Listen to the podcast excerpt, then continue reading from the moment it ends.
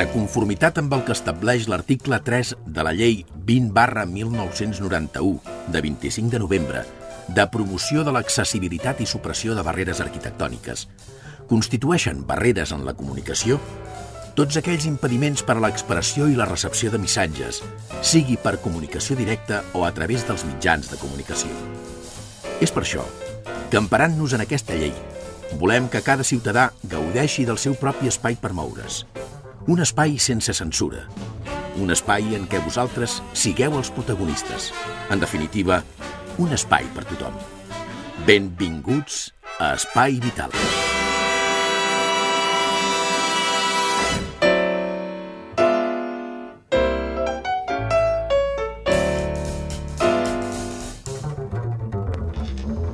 Senyores i senyors, què tal com estan? Benvinguts, ben trobats un dia més a un programa més. Això és l'Espai Vital. Maria López, la productora del programa, que la tinc com sempre al meu costat, en aquest cas al meu costadet esquerre. Maria, què tal? Bon Hola, dia. bon dia. El Jordi Puy, el control tècnic. Avui de convidada, qui tenim? Tenim a la Maria Caballos, que és una infermera que ha volgut estar avui amb nosaltres. Doncs mira, la saludem, Maria. Bon dia. Bon dia. I bon dia també per al Cojo Cabreado, aquesta nova secció que es posa amb tots els ets i uts de la, de la viuda, de la vida ciutadana, de les persones. Ja pots ben dir ja de la viuda, ja ho pots ben dir ja, cagondera. Ai, què li passarà avui al cojo cabreado? Ho sabrem amb 3, 2 o 1.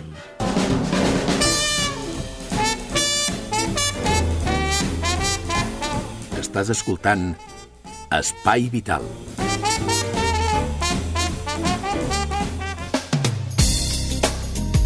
Molt bé, què li passa, senyor Cojo Cabreado? Bueno, abans de res vull dir una cosa. Digui, digui. Vull demanar disculpes perquè la setmana passada no vaig poder venir Ah! i eh, volia trucar, però, però, però, però em Però- faig un lío amb el mòbil. Per què li va passar? Què li va passar? Per què no va venir? Doncs jo sé que no queda, que no queda bé això de dir-ho, però vaig estar a Girona. A Girona? A Girona vaig estar. I què feia vostè a Girona? Doncs perquè la meva germana Sí. doncs va defensar la tesi doctoral Ah, i ja tenim doctor a casa, ah molt bé. però molt no bé. m'ha dit que no és part de medicina. Jo això no ho entenc pas. No, no. bueno, així no està emprenyat, aquest cop. Coi, tant que sí que emprenyat! Com Per no què? d'estar emprenyat? Home, per... és que no veieu pas els diaris. Eh, És que no escolteu les notícies. Què em diu ara? Clar, perquè tothom, tothom... Va, espera que em tranquil·litzi una mica. Tothom pateix per la Respiri, prima... respiri. No, és que és veritat. Tothom pateix per la prima de risc, tothom pateix per la crisi, Mhm. o es patua i ningú s'ocupa de lo important. El què? És que no us han enterat de res. És a dir, a veure, a veure, jo ja entenc que s'han de retallar coses. Jo entenc, jo, jo ho entenc, que han gastat massa, jo ho entenc, però hi ha coses que no podem retallar, Com? com per exemple, tu ara dius, ospa, mira, he tingut un accident, m'he trencat una cama. Sí. Vale? Que, que no passi mai, que no passi mai. Però trenques una cama i què passa? Doncs que vas a l'ortopèdia, li dius, escolta, doni un parell de crosses, i diu, molt bé, li agradarà aquests i m'agraden. Bueno, quan, quan, bueno, això és de la Seguretat Social, no, no, no, no, ha de pagar vostè. No, ara hem de pagar les crosses, on s'ha vist això? Això? Hem de pagar part de les crosses, part de les cadires, part de les fèrmules aquestes, aquest, això, perquè abans, abans als temps et posaven unes, unes caioles, Sí. però no, no, ara et posen un plàstic aquest que... M'entens? Em Que posen un plàstic, un plàstic. Et posen un plàstic. Però ho has de pagar. Eh, I jo pregunto, per què? Els pacients hem de pagar. És que, és que no hi ha dret. Perquè, clar, tothom parla de la prima, de la prima, de la prima, però dels primos no parla ningú, i nosaltres som uns primos que cada vegada paguem més. Però és que, a més a més, és que a més a més diuen que això ho fan pagar perquè diuen que és un, és un article complementario, Un artículo que complementari. no és pas important. Clar, i clar, arribarà un moment, si ja ho dic jo, arribem en cadira de rodes de fusta, com la prima de Heidi aquesta, te'n recordes? Sí, que la, portava aquesta, la Clara, la, la Clara aquesta era la que portava una sí. cadira de fusta, Mhm. plena de carcomes, és a dir, clar, però on anirem a parar? Bueno, deixem-ho aquí ja. No, no, deixem-ho no, ja, ja, ja parlarem ja De d'això. deixem deixem-ho Home, és que aquí. per estar cabreat. Sí, home, ara, ara parlem en direcció i, i que li mirin a veure què poden fer amb aquest tema. No, no, el que hem de fer és un cop d'estat, me cago en. Molt bé, Alberto Castro, gràcies. Apa, fins la setmana vinent. No, no, sí, ja, ja, ja parlarem ja.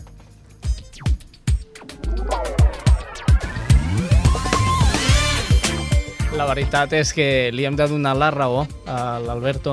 Això està passant ara i des de que està el PP encara més. I van retallant, retallant, retallant.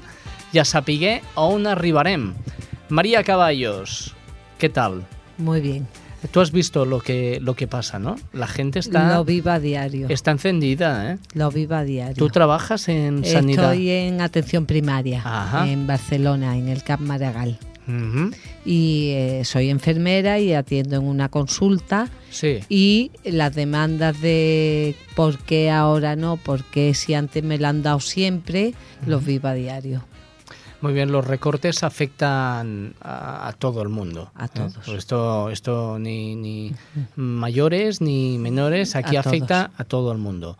Los jubilados supongo que ahora también estarán, porque no sé el tema de los medicamentos, si ahora tienen que pagar el, el copago del medicamento. Todavía no está mm, bien establecido eso y todavía no se ha empezado, pero todos te preguntan cuánto van a tener que pagar, eh, si pueden ellos, mm, bueno, modificar algo que no les den tantas pastillas para no tener que pagar más. Y la gente está preocupada, muy preocupada. La gente tiene miedo, porque si le vas recetando pastillas, pastillas, él tendrá que ir pagando el copago del euro por De- cada receta de medicamento. Sí, Pero que- creo que hay un máximo, ¿no, María? Sí, hay un Porque a mí máximo. es un tema que me Y preocupaba. según las rentas también, es decir, no es... Al final, eh, lo que pasa que, bueno, supongo que informativamente es muy llamativo, hay que pagar tal, pero sí es cierto que según la renta y un máximo, con lo cual mm, no se va a pagar tantísimo, de hecho se va a pagar muy poco, pero eh, al no pagar antes y pagar ahora, cualquier cosa es siempre más. Efectivamente, sí, ¿sabes? Pero bueno, mm, Es lo que hay que hacer, prevención. Eh, Aquí prevención, ¿ves? sí, Hay que hacer llegar a no tener que consumir tantas pastillas. Molt bé, doncs parlem de prevenció amb Mm. la María Caballos. Sí, Eh, hablamos de alimentación saludable, eh, la prevención de enfermedades como la diabetes o otras crónicas sí, que aparecen a través o por no cumplir unos mm, buenos hábitos de, de consumo en alimentación o por no cumplir mm, otras cosas. Pero en definitiva, eh, ¿qué es lo que hay que hacer para prevenir eh, enfermedades? Comer bien. Mm, sí, bueno, hay eh, esto mm, dentro de muchas enfermedades hay unos hábitos eh, o unos factores de riesgo, mejor dicho, que podemos modificar. Y esos factores de riesgo que podemos modificar son los que podemos actuar, porque hay otros que no podemos, con lo cual esos no podremos cambiarlo. Factores de riesgo. de riesgo. Antes hemos hablado que habían dos tipos. Sí. Los que se podían modificar fácilmente o los que no se podían modificar. Mm, son dos es decir, si yo soy hija de diabético, Sí. ¿eh? probablemente ¿eh? tenga diabetes. Eso no lo voy a poder modificar porque no puedo modificar a mi padre, ni puedo modificar que yo sea hija de ella, ni mi carga genética. Ajá. ¿Qué puedo hacer? En la alimentación, ejercicio físico, es decir, el estilo de vida, lo puedo modificar o lo puedo hacer de una manera que favorezca que si me aparece esta enfermedad sea lo más tarde posible y en las mejores condiciones posibles. Si yo modifico mi estilo de vida, probablemente esa enfermedad o no aparezca o sea más benigna y más tarde. Entonces, como sobre quién somos y nuestra carga genética no podemos actuar, actuemos y enseñemos a los niños a un estilo de vida saludable para evitar tener enfermedades de tipo mm, crónico antes y, y peores, porque el tiempo en las enfermedades crónicas es fundamental. No es lo mismo ser 10 años diabético que serlo 40 por un tema matemático. Es peor 40 años diabético que 10. Si yo me cuido, probablemente llegue a no ser diabético o probablemente llegue a ser diabético mucho mayor. Ahora mismo, eh, chavalillos jóvenes eh, están bien, desde la administración Mm. se está luchando para que se haga una buena alimentación y que los niños no acaben siendo o- obesos, que es lo que ahora ha alarmado en las escuelas de nuestro país. Eh, hay mucha cantidad de niños obesos Y sobrepeso. y sobrepeso. ¿Eso lo podemos solucionar desde raíz o, o tenemos que atacar ya? Eh, yo creo que se, hay que hacer las dos cosas. Hay que intentar eh, educar, pero es que el problema es que tenemos que intentar educar primero a los padres, porque muchos de esos padres no saben qué es lo que tienen que darles de comer y qué es lo, en qué consiste una alimentación sana y equilibrada. Y en el cole, porque bueno es donde mm, muchos niños comen y es donde también hay que, intervenir y después también hay que decir que aparte de la obesidad y el sobrepeso hay niños que no son obesos pero que sí tienen un alto nivel de colesterol hacen dietas muy hipercalóricas con gran consumo de, de azúcar. Y eso, aunque físicamente no se ve, es decir, tú ves a un niño que puede tener unos kilos de más o no. Si ves que no, presupones que está sano. No. Porque el tipo de alimentación y el poco ejercicio físico que se hace en muchos casos, no todos, influye. Y a la larga, esos niños, si no tienen una buena alimentación, llegarán a tener un alto nivel de colesterol o azúcar en la sangre o tendrán un riesgo de, por ejemplo, padecer cáncer de colon por no consumir, por ejemplo, fibra y no haber un tránsito intestinal normal aumenta el riesgo y el a- de padecer cáncer de colon. Entonces, no solo lo que se ve, que el niño está un poco gordito, sino también qué es lo que come y qué actividad desarrolla, porque actualmente a muchos padres les es mucho más cómodo que la- el niño esté toda la tarde con la consola o viendo la tele que salir en pleno mes de enero a dar una vuelta que su hijo dé unas patadas al, al balón. Ajá. María, a nivel práctico para las familias que nos estén escuchando, ¿cuál sería un tipo de dieta equilibrada para un niño o una niña? Porque deben haber familias que deben decir, a ver, pues si yo le doy de cenar eh, un filete empanado Sí. y unas patatas fritas y las patatas son hidrato y el filete es proteína, para mí ya está equilibrado. Entonces, ¿cuál sería una dieta ideal? Una dieta ideal es aquella que aporte todo tipo de nutrientes esenciales, ¿eh? que son los hidratos de carbono, proteínas y glúcidos, que son las grasas, y los ácidos y los minerales y vitaminas. ¿Qué pasa? ¿Cuál es la dieta ideal? La dieta ideal es la que nos daban mm, a nosotros de pequeños y la dieta mediterránea. La dieta mediterránea no incluye las patatas fritas. La dieta mediterránea incluye un gran consumo, muy poco de carne y sí mucho de pescado. Entonces, si uno entra en internet y ve dieta mediterránea, incluye verduras, frutas, legumbres, eh, pasta, arroz, pescado, menos carne, pollo, mucho, mucha agua y fuera, por ejemplo, los zumos. Y con eso ya se Pero hace- los zumos envasados, te refieres, envasados. porque tienen un Sí, nivel de azúcar sí, muy alto. Envasado, sí, zumos naturales, sí. Pero zumos naturales tampoco acostumbrar al niño a tomar la fruta en zumo. Hay que también tomar la fruta porque cuando exprimimos una naranja se pierden muchas vitaminas. Entonces, es bueno porque nos aporta una fibra y es fácil de tomar, pero también tenemos que tomar nuestra manzanita con la piel.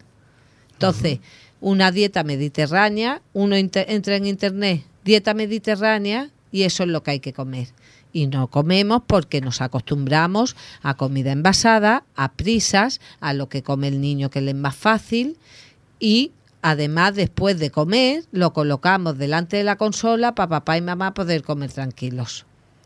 Muy bien, hacemos un paroncillo, hacemos un pequeño parón, porque vosotros no sé si lo sabéis, pero las comidas sean mediterránea o no sean mediterránea, están llenas de bacterias. Muy bien, doncs a l'Espai Salut d'avui parla precisament d'això. Salut.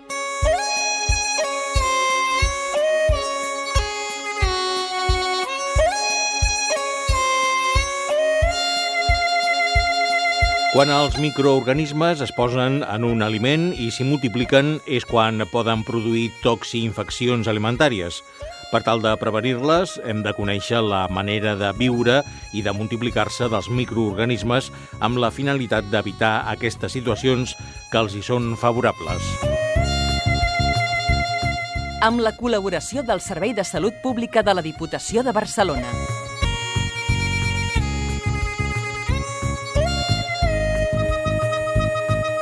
Per parlar dels factors que afecten la multiplicació dels microorganismes en els aliments, saludem l'Alba Llorenç, tècnica de la Unitat de Seguretat Alimentària del Servei de Salut Pública de la Diputació de Barcelona. Ben trobada, Alba. Gràcies. Quina és aquesta situació ideal perquè els microorganismes es multipliquin? Doncs bé, els, els microorganismes viuen de manera semblant a les persones. O sigui que necessiten menjar i, per tant, necessiten nutrients, necessiten aigua i, per tant, humitat, i la majoria d'ells necessiten aire i, per tant, necessiten oxigen, i, a més a més, també unes condicions concretes de temperatura. Per tant, quins són els factors que afecten la seva multiplicació? Anem per factors, que n'hi ha diversos, no?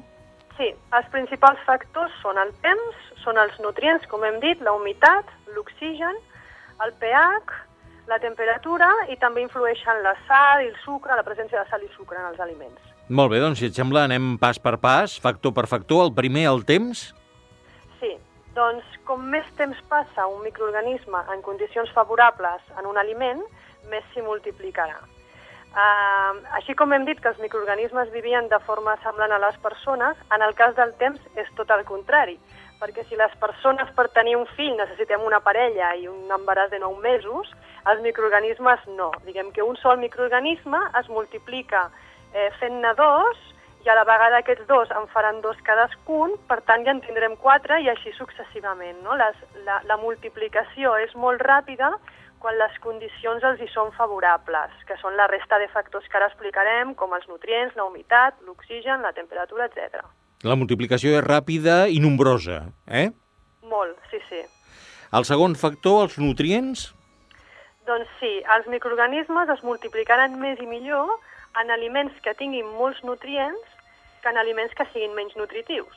Per exemple, hi ha aliments que són especialment vulnerables a, a la contaminació perquè són molt nutritius, com són els ous, o la carn, o el peix, o els lactis, o els productes de pastisseria, ja que són, són aliments que tenen continguts molt alts de proteïnes i també de greixos, i llavors els microorganismes allà hi trobaran aliment, i s'hi trobaran a gust i s'hi multiplicaran més.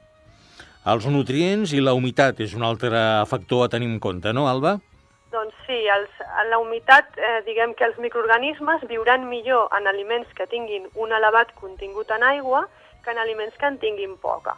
Aquí també posaré una, uns quants exemples. Sí. Per exemple, la pasta seca, com la comprem al supermercat, a les botigues, dura molt més temps, eh, mentre que la pasta fresca o la pasta ja cuita, eh, com que ha mm, absorbit aigua, eh, s'ha de consumir en poc temps.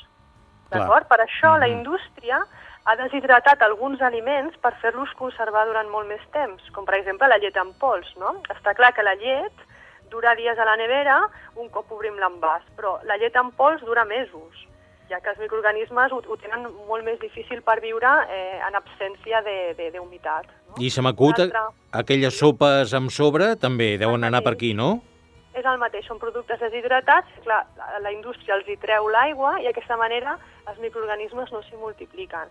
Un altre cas poden ser els formatges, un, un exemple molt clar. El formatge fresc dura molt pocs dies a la nevera perquè té, té molta aigua, mentre que el formatge curat, que ja està més sec, pot durar molt més temps. Molt bé. La diferència de, del contingut en aigua entre un i l'altre. La humitat, i parlem de l'oxigen, i ho deixarem aquí, en aquest eh, espai, i en tot cas reprendrem el, el tema en un eh, proper, però parlem de l'oxigen, que és el quart factor a tenir en compte. Sí. Uh, bé, no tots els microorganismes es necessit, uh, necessiten aire per multiplicar-se, però sí la majoria d'ells. Llavors parlarem dels, de, diguem, la, els exemples que donaràs, donaré seran pels, per aquesta majoria de microorganismes que es multipliquen en presència d'oxigen.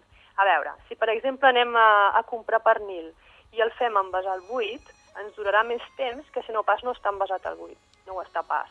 I és perquè eh, fent el buit, traient-li l'oxigen, dificultem que els microorganismes s'hi multipliquin. Un altre exemple pot ser la carn. Quan està picada, carn picada, és molt més vulnerable que quan està la peça sencera, perquè quan fem el picat de la carn, deixem que l'aire es posi en contacte amb més superfície de la carn que no pas quan la carn està amb, un, amb una peça. Amb un tros, en una peça.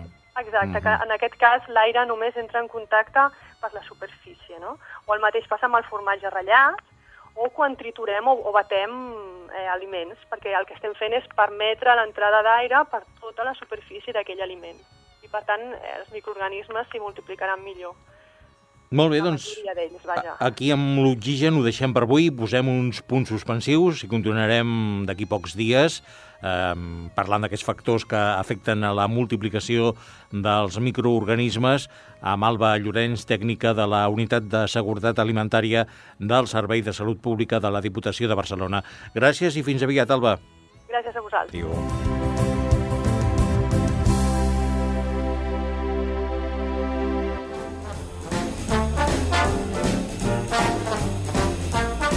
Això és Espai Vital.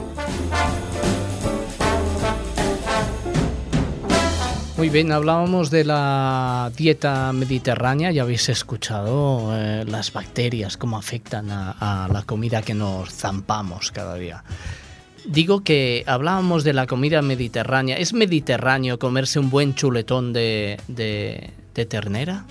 Mm, de manera esporádica, sí. Ah, vale, bien. Sí, Yo sí. digo, hombre, chuletón eh, es de aquí, de Gerona, por ejemplo, ¿no? Un chuletón de Gerona, sí. eso es mediterráneo, ¿no? Muchísimo mejor que una hamburguesa precocinada. Precocinada y, de, y, del, y del McDonald's. Bueno, yo voy a decir marcas porque creo que más o menos todas deben de tener. Pero quiero decir, Titi. Lo que quiero decir que esto, el chuletón ese sí. se puede comer perfectamente, uh -huh. pero claro, hay que comer una vez chuletón, pero después intentar cuidarse, es decir, no todos los días chuletón, porque uh -huh. hay mucha gente que todos los días come, por ejemplo, carne roja sí. no prueba para nada ni el pollo ni el pescado. Uh -huh. Entonces, ¿la carne roja es mala? No pero no hay que comerla todos los días. S'ha enterat, senyor Alberto? Sí, jo, jo volia fer-li una pregunta, si, si em permeteu. Sí. Eh, tinc entès que, que, que la mejor comida es aquella que tienes más cerca, es decir, en tu territorio, y además de temporada. Eso, eso es Efectivamente. Así. Hay que intentar tomar alimentos frescos y de temporada. ¿Por qué? Pues porque, por ejemplo, una fresa Ahora ya porque hay en todas partes son de invernadero, pero las fresas normalmente son de primavera, ¿vale? ¿Por qué? Pues porque florecen en primavera o nacen en primavera, no sé cómo se dice. ¿Por qué? Porque en ese momento es cuando tiene su mayor capacidad de vitamina, de nutrientes y de todo. Y de por ejemplo, la fresa es una fuente de vitamina C muchísimo más importante que la naranja, que los cítricos. Entonces, si yo tomo una fresa en el mes de noviembre me podrá gustar mucho, pero esa fresa no ha nacido en su época, es de invernadero. ¿Mejor tomar esa fresa que un bollicao? Evidentemente que sí, pero lo mejor es tomar los productos en temporada porque es cuando están con, en su punto. Es decir, tiene sus minerales, sus su vitaminas, sus nutrientes esenciales en perfecto estado. ¿Qué pasa? Que si yo vivo en Cádiz, me es mucho más fácil acceder a un pescado que si vivo en Ciudad Real. Actualmente no, porque hay en todas partes. Pero lo natural es que yo coma lo que tengo cerca. ¿Por qué? Pues porque primero mi familia y mi entorno estará habituado y me será más fácil. Y segundo, porque lo tendré en más cantidad y mejor. Lo que pasa que actualmente eso es un poco porque hay de todo en todas partes, pero sí es cierto que con la fruta y verdura es importante tomar eh, fresco y en el momento que está de temporada. María, y la frase típica de muchas madres y muchos padres de, no, es que a mi hijo o a mi hija esto no le gusta. Hemos estado comentando antes y esto es un error, ¿no? Porque se puede educar. Se puede no, se debe Se debe. educar. Se debe educar porque igual que un niño no habla de un día para otro, ni anda de un día para otro, es un proceso de aprendizaje, todo, desde ponerse un botón a hablar, a todo, la alimentación también, es decir, uno educa a su hijo en cómo coger un tenedor. Muy bien, pero es que también hay que educarlo en qué pincho con ese tenedor.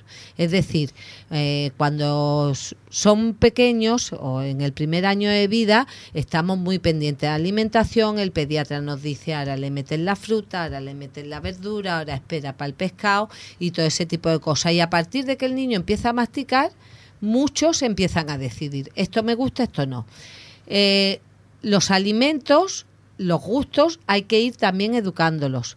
Un día se le da una verdura y el niño la rechazará normalmente.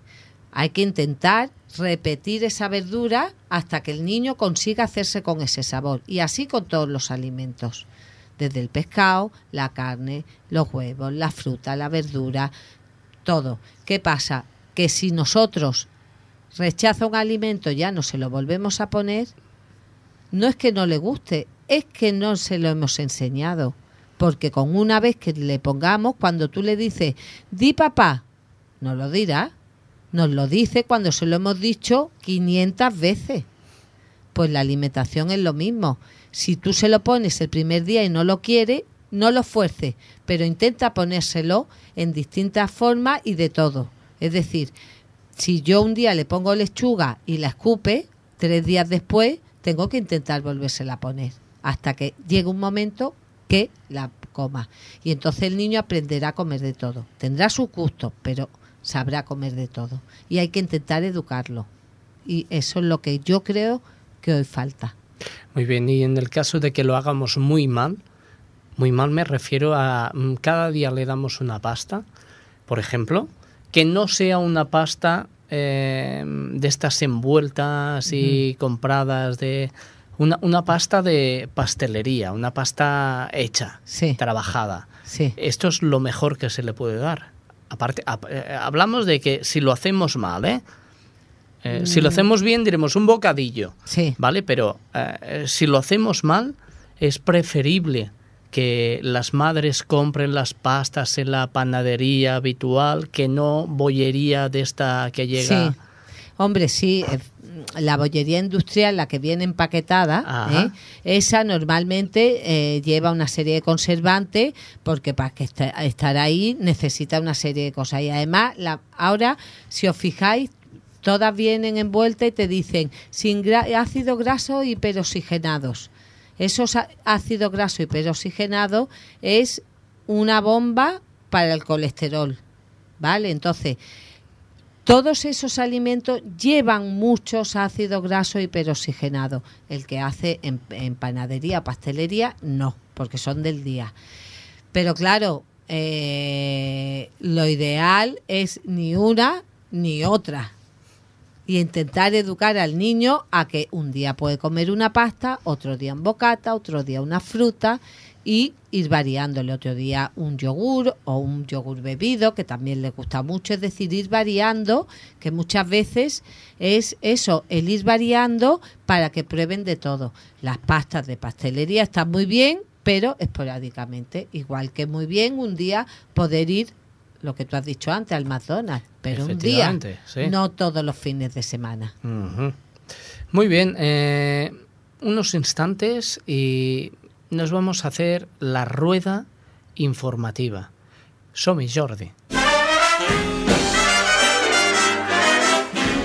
Molt bé, i en aquesta roda informativa, com sempre, comencem per Cerdanyola. Allà es troba Rosa Morante. Hola Xavi, avui des de Cerdanyola Ràdio us expliquem que l'investigador del Consell Superior d'Investigacions Científiques, el CSIC, ubicat a Cerdanyola, Juan Pablo Esquivel, ha estat escollit per la revista Technology Review de Massachusetts Institute of Technology com un dels 10 joves més innovadors de l'any.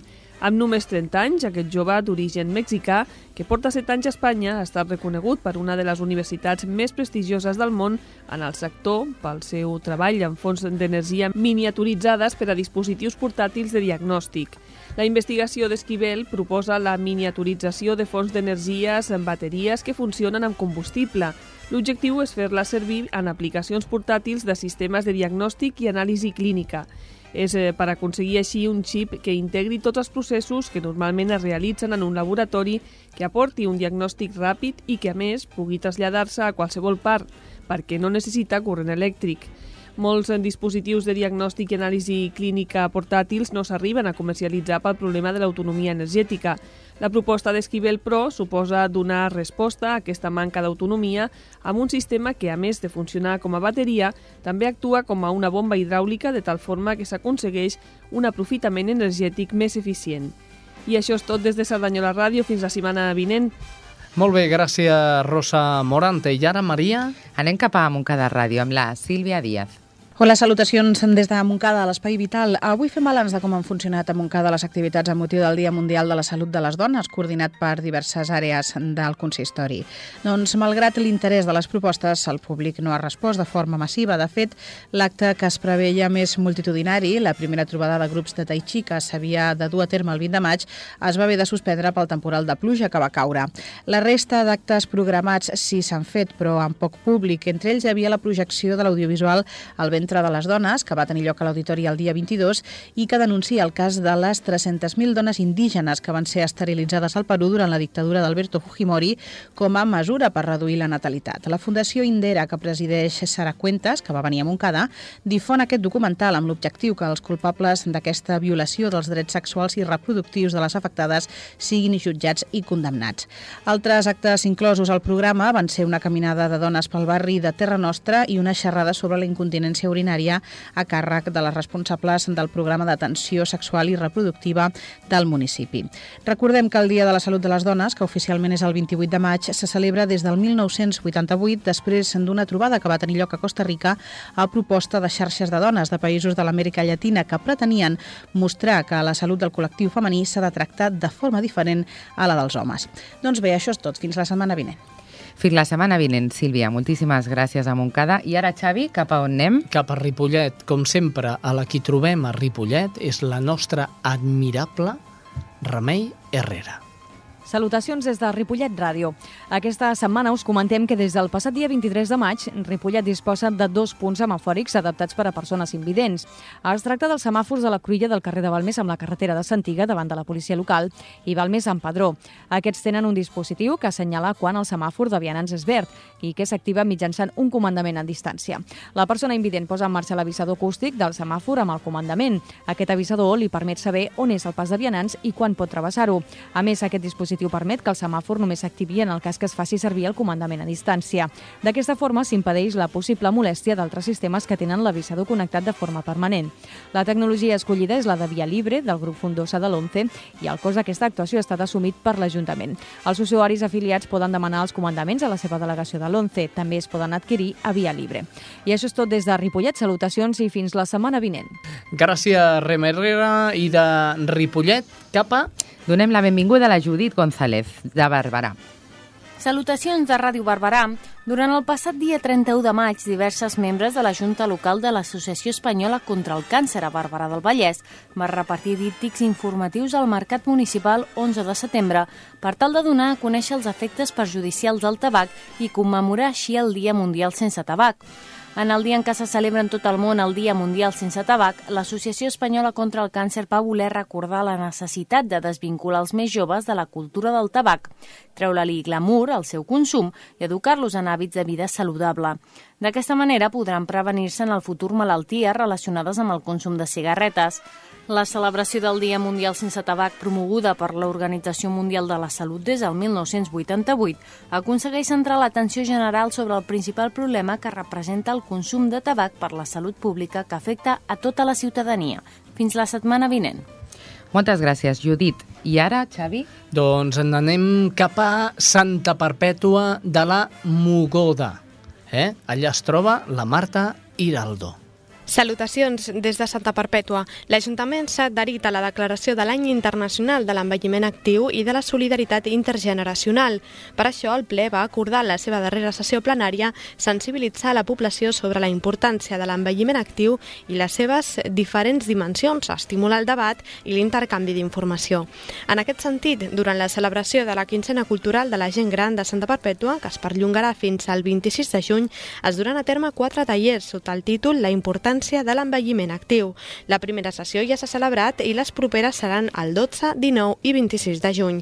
La quincena de la gent gran també inclourà activitats i tallers de dansa, jocs de taula i esports, entre d'altres.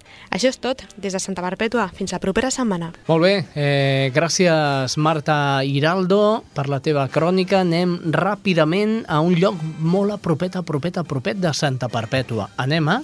Anem per finalitzar a Sabadell, amb la Karen Madrid. Salutacions des de Sabadell. El Taulí és un dels set hospitals espanyols que participen en un estudi per comprovar la relació que existeix entre les apnees del son i el càncer. Els professionals de la unitat del son de l'Hospital de Sabadell disposen ja d'unes dades preliminars que apunten que les persones que es queden diversos minuts sense respirar mentre dormen tenen el doble de probabilitats de desenvolupar un càncer i de patir complicacions derivades de la malaltia. Aquesta hipòtesi s'haurà d'investigar durant el pròxim any, partint de 500 casos diagnosticats al taulí i de 5.000 d'arreu de l'estat espanyol. En cas que es confirmi aquesta relació, els especialistes del son hauran d'insistir encara més en el tractament de les apnees que molts pacients abandonen perquè els resulta incòmode. És tot des de Sabadell.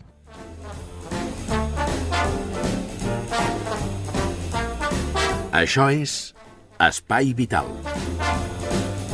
I des de Ripollet, Cerdanyola, Montcada, Barberà, Santa Perpètua i Sabadell.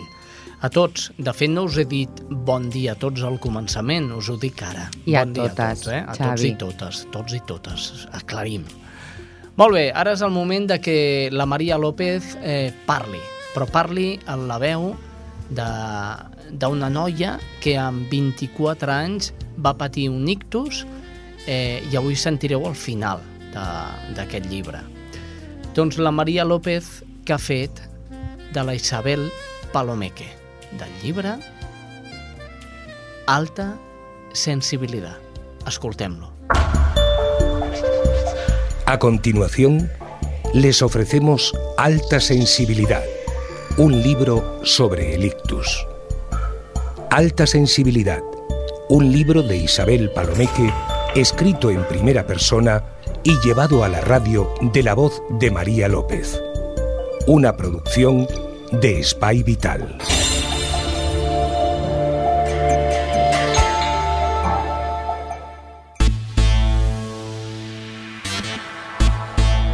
Discurso pronunciado con motivo de la distinción otorgada por la Fundación Ictus.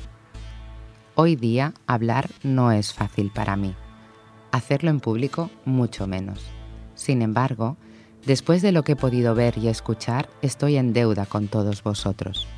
Quiero daros las gracias por vuestro apoyo y vuestro reconocimiento. Tanto Elena como yo sabemos lo que esta enfermedad representa. No es nada fácil de expresar. Somos jóvenes, llenas de vida, y parece que tras sufrir este golpe, la vida se nos escapa de las manos. Pues bien, se trata de luchar contra ese sentimiento. Tenemos limitaciones, pero no podemos perder ninguna oportunidad. No os rindáis. Aunque no lo parezca a veces, hay muchas personas que nos quieren y que nos ayudan más allá de lo que cabría esperar. Gracias a ellas he recuperado buena parte de mi vida. Si algo me falta, es compartir mis sentimientos con otros jóvenes que se encuentran o que se encontrarán en mi situación. Todos vosotros, jóvenes o no, que habéis sufrido un ictus, conocéis estos sentimientos. Ánimo. Entre todos y con la ayuda de estos amigos, saldremos adelante. Muchas gracias.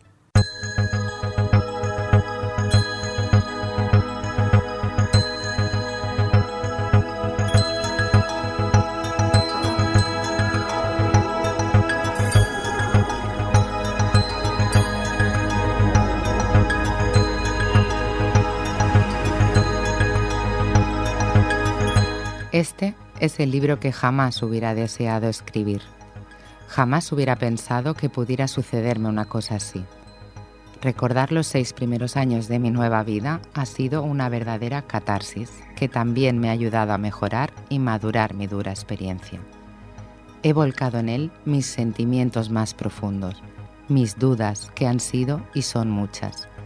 Ya solo me falta expresar también mi agradecimiento a todos aquellos que han contribuido a mi reencarnación en esta nueva vida cotidiana con limitaciones y secuelas las cuales dejan cada vez más lejos mi primitiva y feliz vida anterior.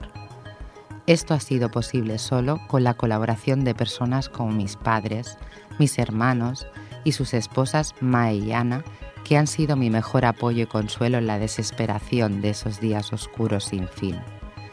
Mi más afectuoso agradecimiento es también para los amigos y amigas que nunca me han dejado de lado.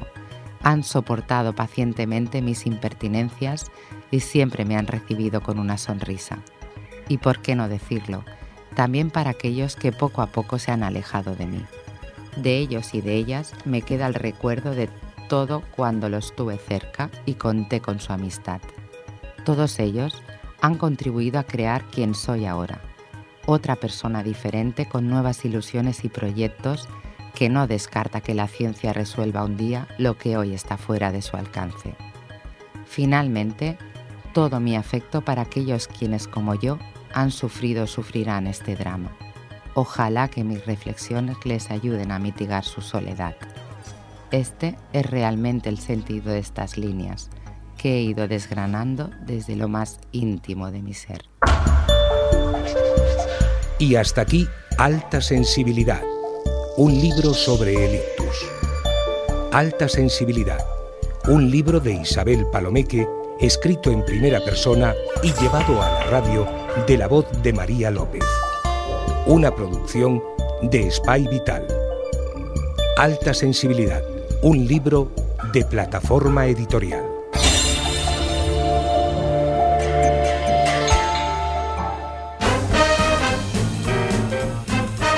Això és Espai Vital. I us donem una adreça de correu electrònic perquè ens podeu enviar qualsevol suggerència, qualsevol queixa. Home, podeu fer de cojo cabreado també i enviar-nos la vostra queixa. Molt bé, el correu? Nosaltres prometem contestar sí o sí, o sigui que us convidem a fer-ho. radioespaivital arroba telefònica.net Doncs ja el teniu aquí. I una adreça del blog és fàcilment. Aneu al Google, obriu l'ordinador, poseu google.es i dintre del Google li poseu Espai Vital. La primera opció que surt és el nostre blog. Allà hi trobareu informació sobre el programa, informació de diverses malalties que hem anat tractant a lo llarg d'aquests 8 anys que portem en antena i podeu trobar doncs, mil coses. El millor és que entreu i ho veieu. I si cliqueu podeu escoltar el nostre programa de ràdio, que també és molt important. Sí, senyora. Que el tenim la ràdio a la carta. Molt bé, i ja, eh, per anar acabant, no teniu gana? Sí, no? Sí, doncs... Dic sí, sí, perquè la recepta és un pèl estranya. Bueno, ja- la ja- tenim que escoltar per veure si ens agrada o no ens agrada, que segur que sí. Sac... Sacristanes de, de queso, formatge, no? de Eh, eh, de sac- Sacristanes de, de formatge. Molt bé, em sembla que és la recepta que ens porta la Conxita Naudi. Anem a escoltar-la, a veure si és així.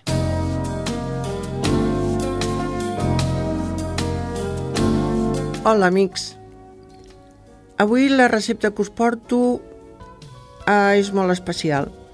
Són sacristanes de formatge.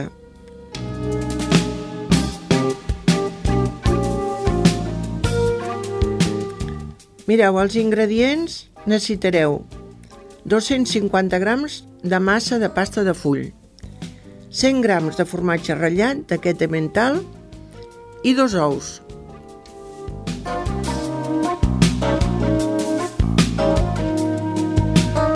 La preparació...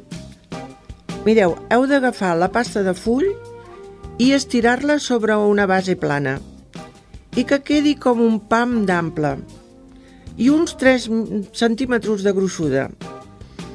Aleshores el que fareu és batre els dos ous i amb un pinzell ample pintem la pasta de full i després s'hi posa el formatge ratllat per sobre. Un cop això agafarem la pasta, la massa, i la tallareu en tires de 2 centímetres d'ample.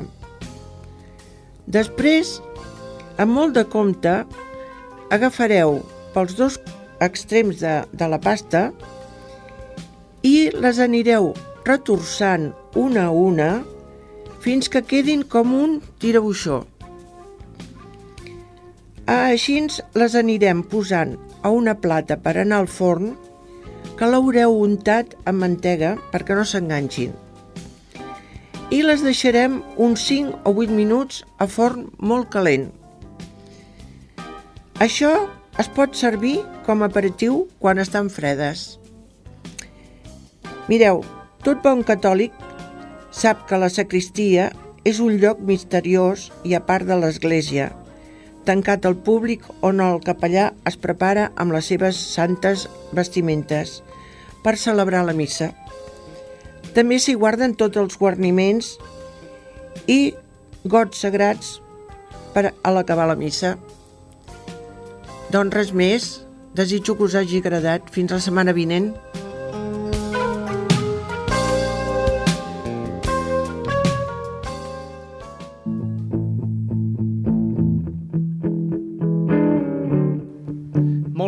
Aquí acabem. Senyores i senyors, gràcies per la seva atenció. Gràcies, Alberto Castro. Ha estat un plaer. gracias, María López. Y gracias a la María Caballos por haber estado compartiendo estos 60 minutos de, de radio y que intentamos que sea buena radio. Gracias y hasta otra. A vosotros. Y encantada de haber venido. El Jordi Puy, que és el nostre tècnic, encara que amb mala cara o amb bona cara, és el Jordi Puy i lo tenemos que aceptar. I treballa molt bé, que això és molt important, i ens aguanta també ella a nosaltres. Moltes gràcies. I amb aquesta cançó que li dediquem a la Maria, yo le, le quiero agradecer personalmente que haya estado hoy con nosotros. Eh, os dejamos con la canción de la flaca de Jarabe de Palo. Molt bé, senyors, fins la setmana vinent.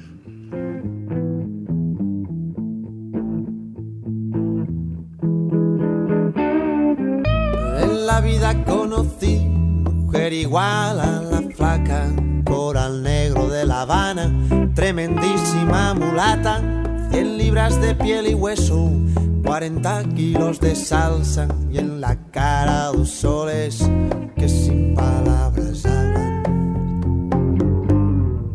Que sin palabras hablan. La placa duerme de día, dice que así el hambre engaña y cuando cae la noche baja a bailar a la tasca y bailar y bailar tras otra, pero